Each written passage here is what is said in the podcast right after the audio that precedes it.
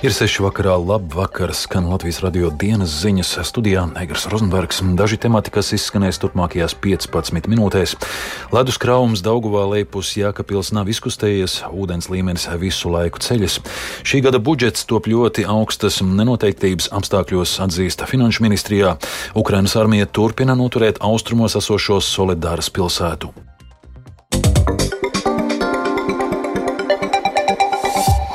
Jākapilieši ar bažām gaida turpmāko notikumu attīstību Daugavā, jo ledus krāvums lejpus Jākapils nav izkustējies un ūdens līmenis visu laiku ceļas. Turpina novada civilās aizsardzības inženieris plūdu situācijas koordinators Tālis Zaula. Sāk aplūst ar gruntsūdeņiem pagrabi. Jāgaida, kas notiks, vai nu šīs ledus sakrāmus izspiedīs tas ūdens, kas pilsētā ceļās, vai būs kā savādāk. Tas varētu nozīmēt, ka pāri dambim iet. Bet, nu, paldies Dievam, no 81. gada nu, tādu joku nav bijis, ka tik augsta būtu un tomēr jāpaļaujas ir uz šo dabas spēku, ka ūdens tos ledus izkustinās. Tā masa, kas nāk iektuvi. Druscīt caur iektuvi paiet, pakus atkal apstājās un ūdens ceļās. Šogad vēl tik augsts līmenis, kā šodien nav bijis. Ka, piemēram, vakar visi naktis nav gulēta, ja? jo arī likās, ka viss būs normāli un pēkšņi vienos naktī sākās briesmas. Ja? Un, un, un praktiski līdz sešiem. Cilvēki evakuējām un skatījāmies, kas un kā, kur paliks. Tad atkal pēkšņi sāka kristies ūdens tanīs vietās, kas bija vakarnakt atplūdušas. Tur, kur bija bīstamās situācijas vakardien, tās arī šodien ir bīstamās. Iespējams, ka var atkārtoties pagājušās nakts scenārijs. Vēsturiski ir tas, ka visi plūdi sākās pēc pusnakts.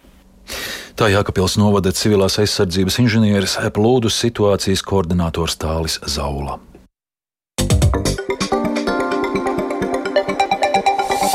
Valsts budžeta veidošanas pamatā ir valdības apņemšanās īstenot ekonomikas transformāciju un prioritātes - drošība, izglītība, enerģētika, konkurētspēja un dzīves kvalitāte.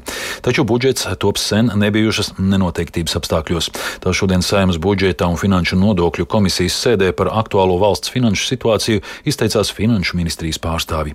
Plašāk Jāņa Kīņš ierakstā. Šogad Latvijas iekšzemes koprodukta izaugsme prognozēta negatīvi, nokrītoties līdz 0,6%. To ietekmē augstās energoresursu cenas un ražošanas izmaksu pieaugums. Tomēr pēc apkurses sezonas beigām, sākot no aprīļa, gada otrajā pusē atgriezīsies mērena ekonomikas izaugsme. Tā prognozējusi Finanšu ministrija. Laikā, kad recesija fiksēta arī plašāk Eiropā, Latvijai tāpat kā citām valstīm nāksies ierobežot plašos atbalsta pasākumus dažādu grūtību mazināšanai. Tos spiests atzīt Finanšu finanšu ministrs Arvils Ašradens no jaunās vienotības. Covid laikā un arī uzsākoties uh, šim karam, uh, Ukrainā valdības sniedz uh, ļoti lielu atbalstu tautsājumniecībai. Tātad 21. gadā tie bija 2,3 miljārdi, 22. gadā tie bija 2,5 miljārdi. Šobrīd kopējais pieprasījums ir sākt sabalansēt fiskālo politiku, un 26. gadam šobrīd tas ir līdz nemainīgam budžetam plānotie ir energo atbalsts iedzīvotājiem. Šobrīd 0,7 miljārdi. Mums jārēķinās ar to, ka mēs šādu veidu atbalstus samazināsim. Pērnā gada kopējā inflācija Latvijā bijusi kā nekad. Tā varēja būt vēl augstāka. Tā vērtē Finanšu ministrijas tautsēmniecības analīzes departamenta direktore Inte Vasaraudze. Ja nebūtu valsts atbalsta, tad mēs redzētu augstākus inflācijas pieaugumus, jo valsts atbalstam ir nozīme un tas slāpē tomēr inflācijas pieaugumu apkuras sezonā. Valsts budžetu ierasti veido balstoties augustā fiksētos datos. Krievijas brutālā kara Ukrainā laikā sekas vērojams plašāk pasaulē, arī Eiropā, un aprēķinus nācies pārstrādāt decembrī. Tomēr ārēji apstākļi neilgā laika posmā var krasi mainīties. Inflācijas iespējā līdzekļu apjoms papildu tēriņiem audzis līdz 215 miljoniem eiro. Tos jau šogad varēs izmantot valdības četru gadu programmā ekonomikas pārkārtošanai, vērtē finanšu ministrs. Savukārt nodokļu sistēmas izmaiņas plānotas vienreiz četros gados, un tās sāks apspriest pēc valsts budžeta pieņemšanas. Jānis Kincis, Latvijas radio. Latvijas startautiskajos finanšu tirgos aizņēmusies 750 miljonus eiro. Tā vēsta valsts kase. Tas noticis valsts kasē Latvijas vārdā startautiskajos finanšu tirgos, emitējot piecu gadu eiro obligācijas. 750 miljonu eiro finansējums piesaistīts ar fiksēto kupona likmi 3,5%. Kopējais pieprasījums pēc Latvijas eiro obligācijām bijis lielākais kopš 2015. gada un sasniedzis 3,7 miljardus eiro. Valsts kases finanšu resursu departamenta direktora Jevgēnija Jelovecka skaidro aizņēmuma pamatojumu. Galvenais faktors, kas kopumā vienmēr nosaka aizņemšanās vajadzību, ir kopējā finansēšanas nepieciešamība, kuru veido valsts budžeta deficīts. Tas ir galvenais parāda pieauguma veicinošs faktors. Nepieciešamība vēst un nodrošināt finansējumu iepriekš uzņemtajām parāda saistībām, ja, piemēram, pienāk kaut kādai obligācijai dzēšanas termiņš, kā arī citas vajadzības, kuras ir jāfinansē, piemēram, aizdevuma izsniegšana pašvaldībām, dažādiem investīciju projektiem. Iepriekšējās emisijas un šīs vakar veiktās emisijas galvenais faktors, kas noteica vajadzību aizņemties, ir tomēr parāda atmaksa, jo pavasara vidū pienāk dzēšanas termiņš 3 un 5 gadu valsts obligācijām Kopējais apjoms, kas ir jādzēš, ir tuvu 1,4 miljardiem eiro. Līdz ar to bija jānodrošina papildus finansējums, lai pārfinansētu šīs valsts parāda saistības, kurām pienāk atmaksas laiks jau. Ja tie ir trīs gadi, tas nozīmē, ka sākam jau atmaksāt pandēmijas laika parādus. 20. gadā, jā, šīs trīs gadu obligācijas tieši emitētas pandēmijas sākumā, 20. gada pavasarī, 1 miljards eiro, un tajā brīdī likme tika fiksēta šīm obligācijām 0,125% gadā.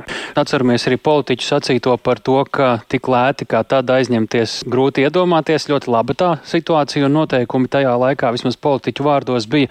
Vai šobrīd mēs aizņemamies pietiekami izdevīgi, nu, ne tuvu droši vien tā kā pandēmijas sākumā, kad bija šī lētā aizņemšana? Protams, šī brīža procentu likmju līmeņi visiem termiņiem nav salīdzināmi ar tiem, kuri tika novēroti, un, un mēs paši arī aizņēmāmies līdzekļus par tādām tādām likmēm, kuras ir bijušas tuvu nulē vai pat atsevišķos brīžos negatīvas.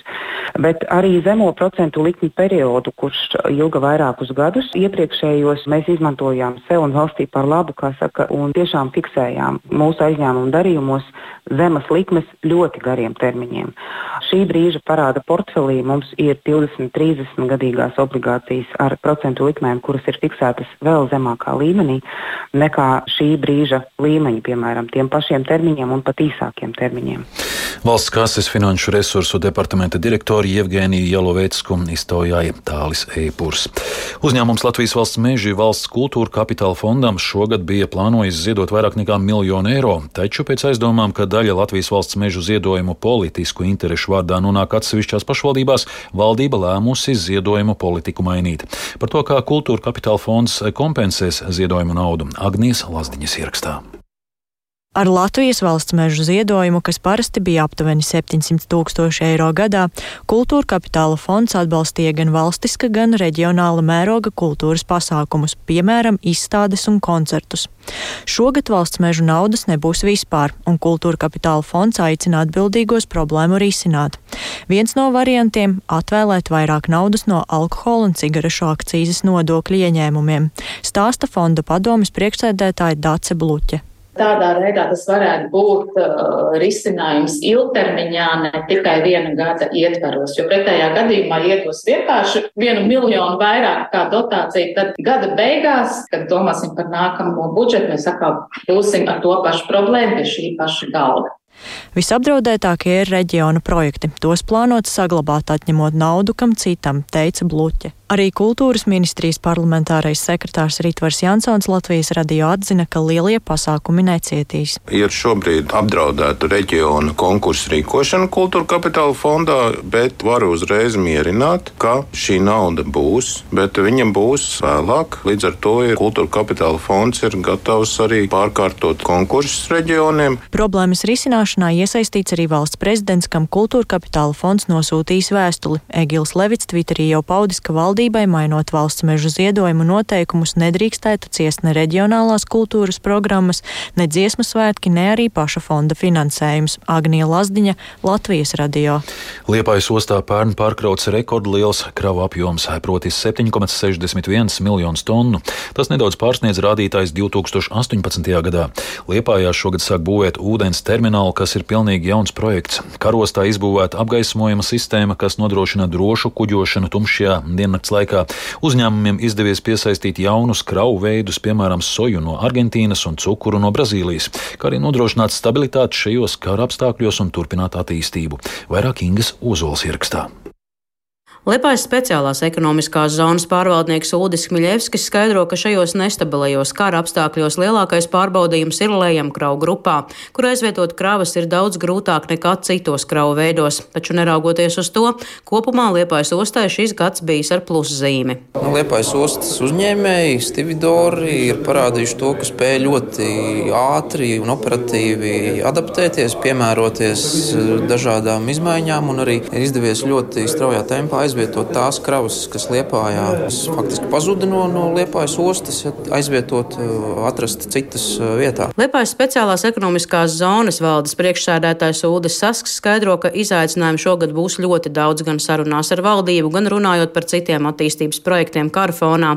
Taču Liepājas ostā vairāk nekā 50% jau šobrīd ir vietējās izcelsmes krāvu. Tas nodrošina stabilitāti un zināmu neatkarību no ārējiem apstākļiem. Vietējās izcelsmes kravas Liepājā ir daudz. Tie ir graudi, koku materiāli, dzelzbetona konstrukcijas, metāla konstrukcijas. Un ne tikai. Jā, arī jaunās rūpnīcas, kas ir uzbūvētas 22. gada beigās karostā, arī viņi eksportēs uz Vāciju savus, savus produkcijas. Un, un tas neapšaubām palīdz Liepājai. Mēs esam optimisti, uzsver uzņēmuma Terabalta valdes priekšsēdētājs Āris Ozoliņš. Viņš min vienu no iemesliem, kas ļāvis Liepājas ostai sasniegt labus rezultātus un nodrošināt kravu pieaugumu. Nu, objektīvi viņi labāk kā, kā Rīgā un Ventspilī, jo mums mazāk šie uzņēmumi, kur tādās lielās riska grupās ir. Un, un līdz ar to arī šī sadarbība ar SES pārvaldi un tagad arī mēs ar, ar ministriju. Mums rītā ir tikšanās tieši par Liepāju jautājumu. Tā kā es domāju, ka Nu, vēl izaicinājums arī skaidrs, ka ir šī infrastruktūra. 2023. gadā turpināsies ūdens termināla būvniecība, ko eksploatācijā nodos 2024. gadā. Notiek aktīvs darbs, lai apgūtu Eiropas Savienības līdzekļus infrastruktūras projektu īstenošanai Liepājas ostā. Ingozola Latvijas radio kurzmē. Turpinoties smagām kojām Ukrainas austrumos, Ukrainas aizstāvi turpina noturēt Donetskas apgabalā esošo Solidaras pilsētu. To šodien apliecinājis Ukrainas armijas pavēlniecības austrumi pārstāvis Serhijas Čerivatīs. Viņš noraidījis Krievijas izplatīto informāciju, ka Solidara atrodas Krievu kontrolē. Kāda ir situācija šajā frontes sektorā, vairāk stāsta kolēģis Rihards Plūme. Kauju pārņemtā Solidara, kur vēl palicis aptuveni pustūkstotis iedzīvotāju, pēdējo dienu laikā nokļuvusi uzmanības centrā, jo Krievijas armija tai sākusi intensīvi uzbrukt, cenšoties to ieņemt. Viens no Solidarā karojošajiem ukraiņu karavīriem atklājis, ka pilsēta tiek ne tikai aizstāvēta, bet ukraiņu karavīri dodas arī pretuzbrukumos. Viņš gan atzīst, ka situāciju sarežģīja Barks sals un daudzi guvuši apsaldējumus. Kā šodien uzsvēris Ukrainas armijas pavēlniecības austrumi pārstāvis Serhijas Čeravatīs, par netālu no Bahmutas esošo Soledaru turpinās smagas cīņas, un situācija tur ir sarežģīta, taču tiek kontrolēta. Misto nepiet kontrolēm Rosijas Federāciju.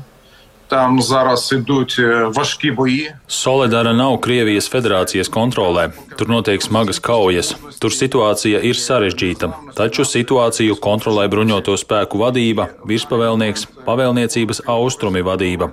Šobrīd notiek intensīvs darbs, lai pieņemtu efektīvākos vadības lēmumus, kas ļauj stabilizēt situāciju tur un nodarīt maksimālu kaitējumu ienaidniekam ar minimāliem zaudējumiem mums. З мінімальними втратами для нас. ASV Domnīcas kara studiju institūts analītiķi pauduši viedokli, ka Solidaras sagrābšana nenovestu pie tūlītējas Bahmutas ielenkšanas. Lai gan ar mazāku intensitāti cīņas notiek arī uz dienvidiem no Solidaras Bahmutas virzienā. Pēc Čerevatija teiktā, ienaidnieks pēdējās diennakts laikā Ukraiņu pozīcijas Bahmutas virzienā apšaudījis vismaz 249 reizes. Aģentūra Bloomberg atsaucoties uz avotu vienā no rietumu aizsardzības ministrijām vēsta, ka Krievijas mēģinājumi ieņemt Bahmutu novada armiju pie spēku izsīkuma. Tas savukārt var dot Ukrainas aizstāvjiem iespēju jaunam pretuzbrukumam. Rihards Plūme, Latvijas radio. Ar filmu Inišerinas Banšī un Fabelmēni triumfu aizvadītajā naktī noslēgusies Zelta globusu balvas pasniegšanas ceremonija Losandželosā. Holivudas ārvalstu preses asociācijas pasniegtās balvas uzskata par priekšvēstnesi tam, kuras filmas būs favorītas cīņā par ASV Kinoakadēmijas balvu Oskars. Īru režisora Mārtina Makdonas veidotā traģikomēdija Inišerinas Banšī šīs saņēma trīs zelta globusus - kā labākais mūzikls vai komēdija un par scenāriju, bet filmas zvaigzne Kolins Ferels ieguva balvu kategorijā labākais aktieris mūziklā vai komēdijā. Savukārt amerikāņu dzīvā kino klasiķa režisora Stīvena Spilberga daļai autobiogrāfiskā filmā Fabelmeni ieguva divas statuetes. To atzina par labāko drāmu, bet pats Spilbergs saņēma balvu kā labākais režisors. Izskan Latvijas radio dienas ziņas producente Vija Bremse, ierakstus montēja Renāša Steimanis, par labskaņu rūpējās Rita Karneča, studijā Negars Rozenbergs. Vēlreiz īsumā par svarīgāko. Ledus krāums Dauguvā lejpus Jākapils nav izkustējies, ūdens līmenis visu laiku ceļas. Šī gada budžets top ļoti augstas nenoteiktības apstākļos atzīsta Finanšu ministrijā. Ukrainas armija turpina noturēt austrumos esošo Solidaras pilsētu. Un vēl par laika apstākļiem. Yeah. Rīgā šobrīd ir plus 1 grāds brāzmēns dienvidu vējš, atmosfēras spiediens 764 mm, relatīvais gaisa mitrums 89%, bet kāds laiks gaidāms turpmākajās dienās prognozē Toms Brīsis. Vēl ceturtdien Latvijas austrumos saglabāsies sals. Nākamajā naktī temperatūra vidzemes austrumos un Latvijā būs 0,4 grādi, pārējā valstī plus 1,4 grādi, bet dienas gaitā temperatūra kāps uz augšu un jau ceturtdienas vakarā visā Latvijā tā būs virs nulles. Nedēļas nogalē laiks būs apmācies, bieži gaidāmi nokrišņi, kur zemē un valsts centrālajā daļā pārsvarā lietus, austrumos arī sniegs. Valdošie būs dienvidu vēji, bieži brāzmaini, brīžam līdz 15-20 metriem sekundē, un temperatūra gan naktīs, gan dienās nedēļas nogalē būs plus 1, plus 7 grādu robežās, un līdzīgi laika apstākļi saglabāsies arī jaunās nedēļas sākumā.